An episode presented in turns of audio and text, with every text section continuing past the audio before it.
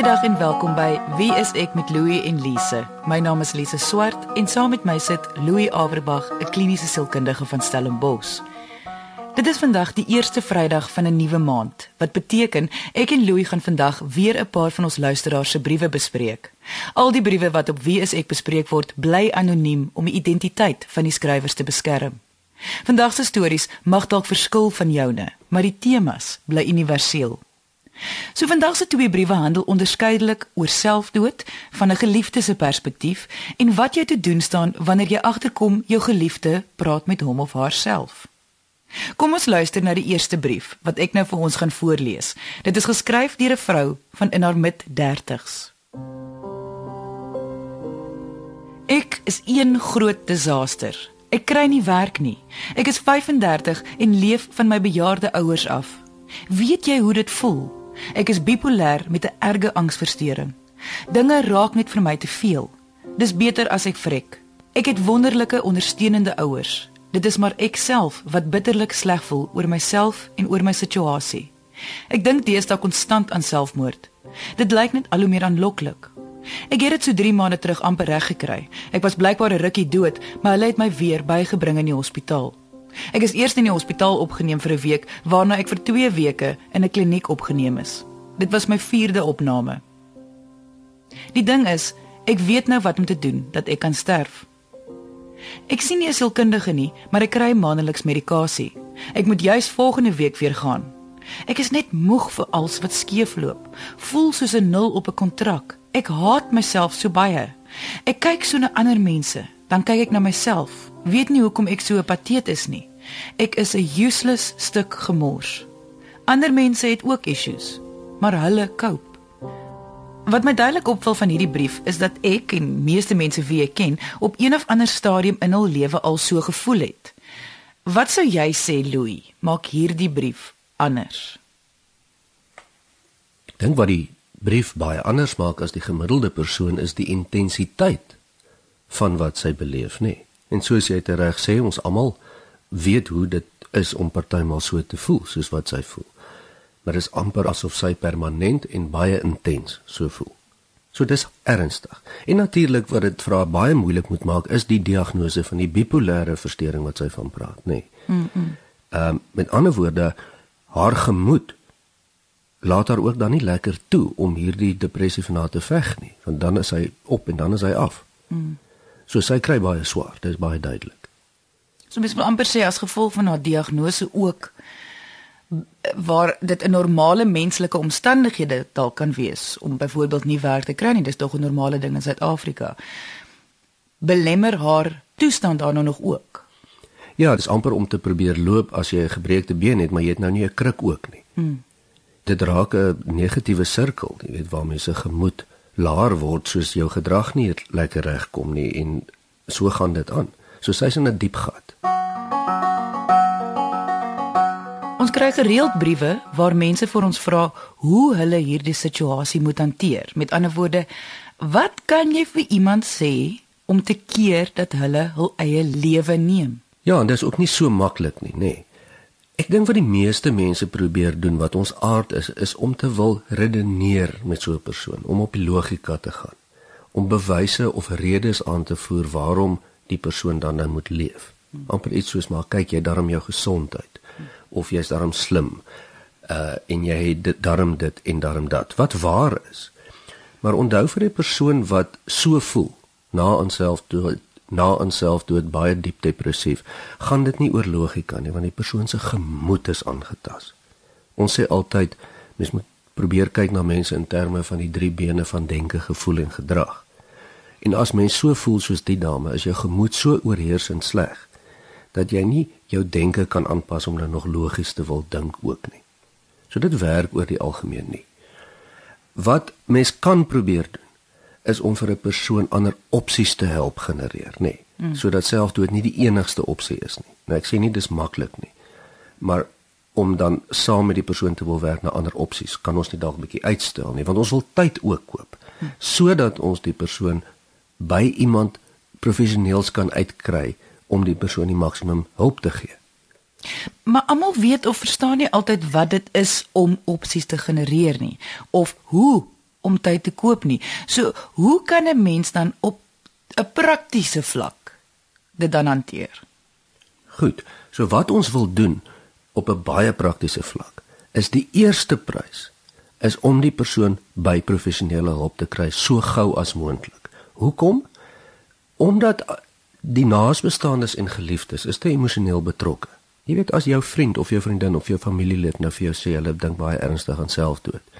Dis normaal om daaroor paniekerig te wees of om nie te weet wat om te doen nie. So die maklikste en die beste is altyd as mens dit kan bekostig natuurlik of jy het 'n mediese fonds direk sommer na die GP toe of na die psigiater toe as as jy kan. Hmm. Nee, maar baie mense het ook nou nie daardie fasiliteite nie. Hmm. Wat mens dan doen? Jy laai die persoon in die kar en jy ry na die staatshospitaal toe. En jy gaan na die ongevalle afdeling toe. En nou gaan mense sê ja, goed, maar niemand luister daar vir jou nie en jy sit daar in 'n ry vir 2 ure. Dan doen jy dit nou maar. Hmm. En jy dring aan om 'n psigiater te sien. Alle staatshospitale moet 'n psigiater oproep hê. Nou die persoon is nie altyd op die oomblik daar nie en baie keer is daar baie romslomp in staatshospitale. Maar jy sê daar dat die persoon vertoon tekens van duidelike depressie en praat van selfdood en jy dring aan om 'n psigiater te sien. En, en ek, nou al moet jy nou daar wag vir die hele nag of die hele dag. Hmm. Is dit dan die beste opsie wat jy oor het as jy dan nie kan bekostig? om die persoon na 'n 'n 'n dokter of 'n psigiater te vat. As die hospitaal van daar was al gevalle gewees waar die hospitaal daar uh, vir jou 'n ander dokter gee, soos uh, in ons geval 'n GP, gewone huisdokter se status. Dring jy nog steeds daarop aan jy wil 'n psigiater sien? Het jy die reg om te sê roep jy 'n psigiater? Jy het absoluut die reg om dit te sê want dit gaan hier oor lewe en dood. Hmm. Nou goed, jou oordeel kan ook verkeerd wees en baie keer is die GP sin of die GP's wat by staatshospitale werk, sien meer hiervan en hulle kan dalk 'n beter oordeel vel as jy. Maar jy ken ook jou vriend of jou vriendin of jou familielid. En as jy regtig voel dat hierdie is 'n gevaar, dan dring jy daarop aan en jy gaan nie daar weg tot die persoon opgeneem is nie. Want van daar af kan daar dan tyd voorgespeel word en daar kan nou hulp verleen word aan die persoon. Indien jy wil hê ek en Louie moet jou brief, storie of vraag hier op Wie is ek bespreek, kan jy ons kontak deur ons webwerf wieisek.co.za of gaan na ons Facebookblad onder Wie is ek met Louie en Lise. Onthou alle briewe wat bespreek word sal anoniem bly. Ek was nou onlangs in 'n situasie waar iemand wie ek ken so gevoel het. En wat my die ergste geraak het was hoe die persoon voorgekom het. Wat ek opgelet het is amper soos twee soorte vlakke. Die eendag was die persoon soos 'n mens sal verwag, iemand met depressie sal lyk, baie moeg, wil net lê, het geen energie nie, maar die volgende dag was die persoon wat ek sou beskryf as heeltemal normaal. Daar was energie en die persoon het selfs gelukkig gelyk, behalwe vir wat gesê is. Met 'n glimlag het die persoon probeer om my baie subtiel te oortuig dat dit regtig nie die moeite werd is om te lewe nie. Daar het ek besef hoekom mense gewoonlik eers na iemand hul eie lewe geneem het, die tekens begin herken. Dit is nie so voor die hand liggend soos mense sou verwag nie. Die beste wat ek dit sou kon opsom, is dit is soos 'n onwerklike werklikheid wat voor jou afspeel. As ek nie geweet het hiervan nie, moet ek sê was daar 'n groot kans ek sou dit gemis het, juis omdat dit nie lyk soos wat ek verwag het dit gaan lyk nie. Omdat mense nie so duidelike patroon altyd wys nie.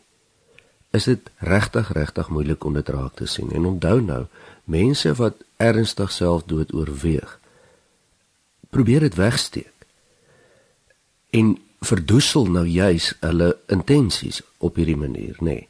Maar onthou nou mense wat konstant in die bed lê en wat amper nie kan beweeg van depressie nie. Is nie noodwendig die mense wat dan oorgaan tot selfdood nie, want hulle het nie die energie nie. So dit is baie baie moeilik om hierdie goed raak te sien. Dis amper soos 'n legkaart wat in plek val eers na die tyd. En dit is hoekom oorlewendes dan ook gewoonlik skuldig voel. Presies oor wat jy nou gesê het. Mens voel haai, maar ek is mos veronderstel om dit te kan sien. Maar nee, mens kan nie eintlik regtig nie. In die meeste gevalle kan mens nie, want die ons almal is een dag 'n bietjie op en die ander dag 'n bietjie af. En selfs mense wat baie ernstig swaar kry en depressief is, is ook nog partymal in staat om 'n grappie te kan maak en daarom lekker te kan gesels. Nie almal is bedlêend nie hmm. voordat daar tot selfdood oorgegaan word. Dit is 'n wanopvatting. So wat jy sê is dit gaan nie dis heeltemal reg, dit gaan nie noodwendig lyk soos wat jy dink dit gaan lyk nie en dit is hoekom dit altyd maar beter is om liewers die hulp van 'n professionele persoon in te bring. Dis korrek, ja. So om terug te kom na die brief. Watter raad het jy vir die skryf? Sy noem dat sy reeds toegang het tot medikasie, soos sy sien gereeld 'n psigiater. As ek sy was, sou ek dan vra om van daar af ook 'n sielkundige te kan sien. Omdat medikasie alleen gaan nie vir mens noodwendig reg ophou nie, nê. Nee, sy het nodig om opsies te genereer, miskien iemand te help om vir haar te kyk na wat die opsies is sodat sy weer beheer kan neem oor wat sy kan.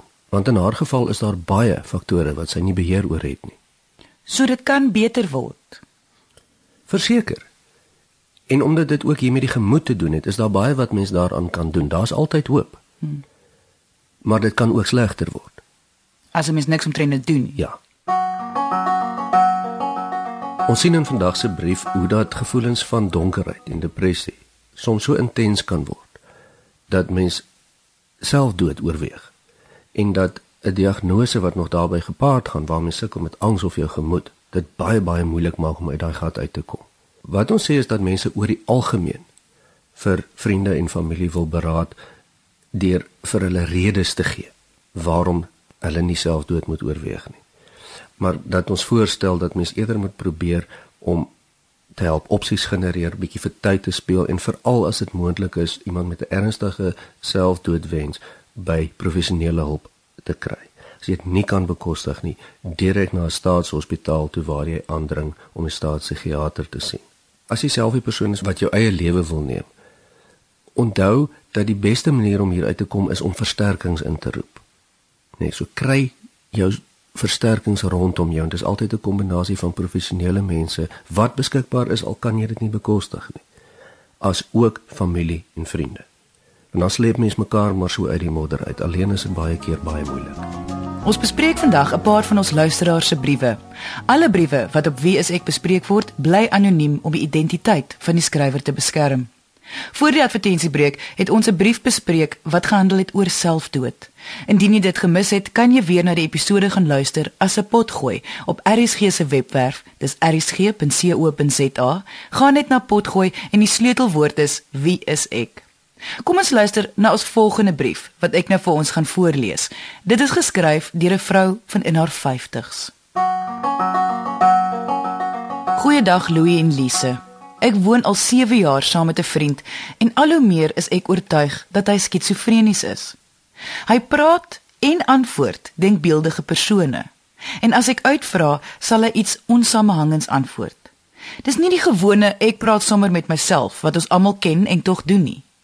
In sommige omstandighede, as hy geweldig stres ervaar of te veel gedrink het, is dit baie pertinent. Hy sal byvoorbeeld in 'n geselskap sit en lag sonder dat daar iets was om oor te lag, amper asof iemand iets in sy oor gefluister het. Is dit skizofrenie? Dis ook nou 'n paar jaar duidelik hoekom hy nie close tussen aanhalingstekens verhoudings met ander familie of vriende het nie. In 'n geselskap raak dit ongemaklik en ek nooi niemand meer oor nie. Ons is nou al uit al ons vriende. Ek is seker dat hy geen medikasie vir sy toestand neem nie. Ek kan nie dink of hy ooit self gedink het dat daar medikasie daarvoor is nie. Ek weet ek het 'n paar jaar terug vir hom gesê daar is medikasie vir sulke toestande, maar ongelukkig het ek nie die gesprek verder geneem nie. Hy is nou afgetree en ek hoop regtig daar kan iets hieraan gedoen word sodat hy sy lewenskwaliteit kan verbeter. So Louis, sou jy sê hierdie is dalk skizofrenie? Dit kan wees. Maar mens kan ook nie sommer net so sê nie. Wat ons wel kan sê is dat dit duidelik is van haar brief dat hy psigotiese gedrag wys, nê. Nee. En psigotiese gedrag beteken as jy 'n splitting met realiteit het. Hmm. Realiteit is nie meer vir jou soos dit vir die meeste ander mense is nie. En dit word gekenmerk gewoonlik deur halusinasies wat mens sien en wat jy hoor. En in sy geval duidelik wat hy hoor dan. Maar jy weet voor mens na skizofrenie kyk, is daar hele ander klomp opsies wat mens ook natuurlik eers sal moet oorweeg, nê. Nee. Want psigose kom nie net by skizofrenie voor nie. So psigose kan veroorsaak word deur iets anders. Dit is nie noodwendig net die toestand skizofrenie wat ter sprake is nie. Maar soos wat? Daar's vele toestande soos byvoorbeeld demensie. Paar weke gelede het ons lank oor demensie gepraat, oor neurokognitiewe versteurings en dit is gewoonlik ook waar daar 'n groot voorkoms van psigose kan plaasvind. Ehm um, sy noem dat hy by aftree ouderdom is. So daar kan 'n vorm van demensie wees wat dalk psigose kan veroorsaak. Ehm um, alkohol of ander substansies, hy noem dat as hy drink, is dit erger. Hmm. En natuurlik angs. Angsverwante toestande is bekend daarvoor dat dit soms psigose kan veroorsaak. So hier is 'n hele paar moontlikhede plus nog ander moontlikhede wat mens amper nie aan gedink nie, jy weet jy weet nie hoe hy neurologies is nie en so voort. As 'n mens nou vanuit die man se perspektief na die situasie kyk en ons aanvaar nou dit is psigose. Is dit 'n slegte ervaring vir hom? Die skrywer vertel hoe hy dan kan lag en saamgesels.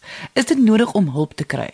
So absurd is wat die vraag klink, maar as hy nie gepla is daardeur nie, wat is verkeerd daarmee? Kyk, dit is nie noodwendig vir hom sleg nie, nê. Nee. En uit die brief hmm. uit klink dit asof hy dit vreeslik geniet. En as ons praat van geniet, praat dit praat ons van sy gevoelswêreld. Is nie sleg nie. Dit voel lekker. Hmm. Maar wat sien ons andersins? Ons sien dat sy gedrag geweldig afneem, so afneem dat hy nie meer verhoudings kan handhaaf nie, nê. Nee. Hmm. So dit kan tog nie vir hom goed wees nie. Duidelik is hy denke dan nie meer so goed soos wat dit was nie. En mens wil dan amper sê dit is nou nog dalk lekker. Dit gaan dalk vir veel langer nie meer lekker wees nie, want dit gaan gewoonlik agteruit. Hmm. En onthou nou, omdat psigose is 'n breek in realiteit veroorsaak, is sy realiteit net soos wat my en jou en ander mense se realiteit is wat nou na die radio luister. Dis vir hom net so werklik. Hmm. En in ons wêreld is ons realiteit vir ons werklik en ons voel lekker sommige tye en ons voel nie lekker nie en dieselfde geld dan vir hom. Die verskil is hier is dat hy dan waarskynlik nie kan herken op daardie oomblik dat sy denke en gedrag aangetast is nie. En dis mos dan nou baie gevaarlik. Al geniet jy wat op die oomblik met jou gebeur is amper om te sê as jy nou verskriklik uh dronk is. Ehm um, en dit is vir jou vreeslik lekker. Wat is dan die probleem? Hmm. Die probleem is nog steeds jou denke is aangetast en jou gedrag is aangetast as jy dan byvoorbeeld in 'n kar sou klim en ry. Dink jy hy is bewus daarvan? Ons weet nou nie want dit is nou nie word nou nie in die brief gesê nie, maar is mense bewus daarvan as hulle kontak met die realiteit verloor? Nie in die oomblik nie. Hmm. Maar wat sleg is hiervan is die verlies van realiteit is gewoonlik 'n geleidelike proses as dit met 'n toestand gepaard gaan, nê. Nee. So daar's helder oomblikke wat jy agterkom genade, maar ek hoor daarom vreeslike goed of is dit wat ek dink en sien is daar nie dalk fout met my nie. En dan is daar daardie tye wat mens dan aktief psigoties is waar dit vir jou absoluut die realiteit is. Jy luister na Wie is ek met Louie en Lise op RSG 100 tot 104 FM. Maar goed, dit was nie hy wat vir ons geskryf het nie, dit was sy vriendin. En duidelik sukkel sy veral omdat sy nie meer selflewenskwaliteit het as gevolg van sy gedrag nie. Sy vra wel oor die hulp vir hom, maar dit kom oor haar lewe word ook beïnvloed. Dit lyk asof hierdie situasie haar isoleer van haar vriende. Watter raad het jy vir haar as mens net vir 'n oomblik gou vergeet van sy situasie en ons fokus net op haar? Soos in meeste gevalle sou dit sin maak vir haar om kontrole te neem in hierdie situasie. Want onthou sy kan nou nie help of kontroleer dat hy af en toe dalk psigoties raak nie. Ons weet nou nog nie presies hoekom dit gebeur nie. Maar wat sy wel kan beheer is hoe sy hom kan bystaan of help of nie. Want die heel eerste ding wat hier moet gebeur is dat sy onmiddellik vir hom by 'n spesialis moet uitkry. Al vat sy hom net na na haar huisdokter toe wat self verder sal verwys dat hy gehelp kan raak en heel waarskynlik 'n baie beter lewenskwaliteit kan hê as wat hy nou het. Selfs amper oh, oh, hy kan selfs 100% funksioneer. So sy kan hom help. Sy kan dan ook verder beheer neem oor haar eie lewe. Sy sê hulle woon nou al 7 jaar wat hulle saam woon en haar lewe is nie soos wat sy dit graag sou wou gehad het nie. Hmm. En mens sal dan vir haar vra, maar goed, waarom sien jy dan ook nou geen meer ander mense sosiaal nie? Jy kan dit mos nog steeds doen, so jy isoleer jouself ook. Hier is dus nou twee mense onder een dak wat nie beheer het oor wat met hulle gebeur nie. Dis nie gesond vir een van die twee nie. Sy kan dus beide doen. Sy kan help vir hom soveel as sy kan, sover as sy kan kontrole het, maar sy kan ook haar eie lewe beheer soos wat sy dit graag sal wil hê. Kyk, is nou maklik om te sê, maar selfs vir mense in verhoudings waar daar nie enige ander toestand is of psigose is nie, is dit al klaar vir baie mense baie moeilik om apart 'n lewe te hê van hulle lewensmaat. So ek wil nou amper vir jou vra waarop moet sy dan fokus? Moet sy as sy moet sy fokus op wat sy van hou? So as sy daarvan hou om nog vriende te hê, dan moet sy dan nou haar eie vriende apart gaan sien. Ek dink sy moet vir haarself meer opsies genereer. Dit voel vir my of sy haarself isoleer hier saam met hom. So dit kan dalk eh, 'n voorstel sou wees dat sy met die vriende praat wat hulle nog altyd saam het en sê luister, ek merk hierdie by hom op, kom ons staan saam en ons probeer hom almal help dat sy nie alleen hoef te dra nie. Dat terwyl hy dalk gehelp word, daar's geen rede hoekom sy nie nog met die vriende kan kontak hê en dan apart kuier nie. En dit beteken nie dat hy weggeskei word nie, dit beteken net dat sy haarself sterk hou sodat sy hom ook kan ondersteun. So wat ons eintlik nou hierso sê is dat sy dis net so belangrik dat sy na haarself kyk soos wat dit is om op die oomblik na hom te kyk. Ja, anders gebeur wat op die oomblik besig is om te gebeur en albei sit onder een dak en doen niks.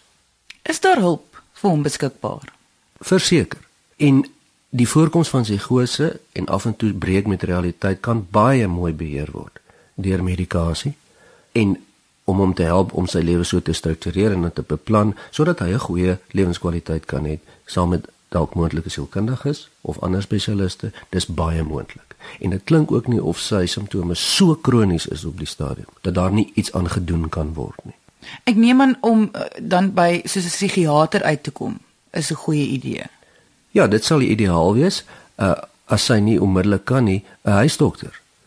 Uh en sal self ook dan verder die ding neem en verwys. So 'n psigiater is ideaal, huisdokter as as dit nie anders kan nie. Soms sien ons dat mense vreemde gedrag openbaar deur byvoorbeeld te praat met mense wat nie daar is nie of dit lyk asof hulle nie in kontak met realiteit is nie.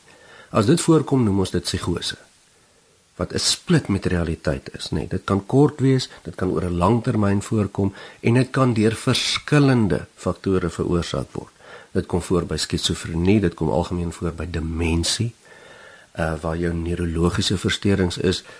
Psigose kan aangehelp word deur angs, stres en deur baie keer deur substansies, veral so alkohol. Maar die belangrike ding is hierso dat daar kan hulp wees daarvoor en dat mense wat sukkel met psigose of met realiteitspersepsie of wat selfs met skizofrenie sukkel wat 'n permanente vorm daarvan is regte goeie lewenskwaliteit kan hê en dat dit dan sal help as naasbestaandes vir hulle net by die regte mense kan uitkry.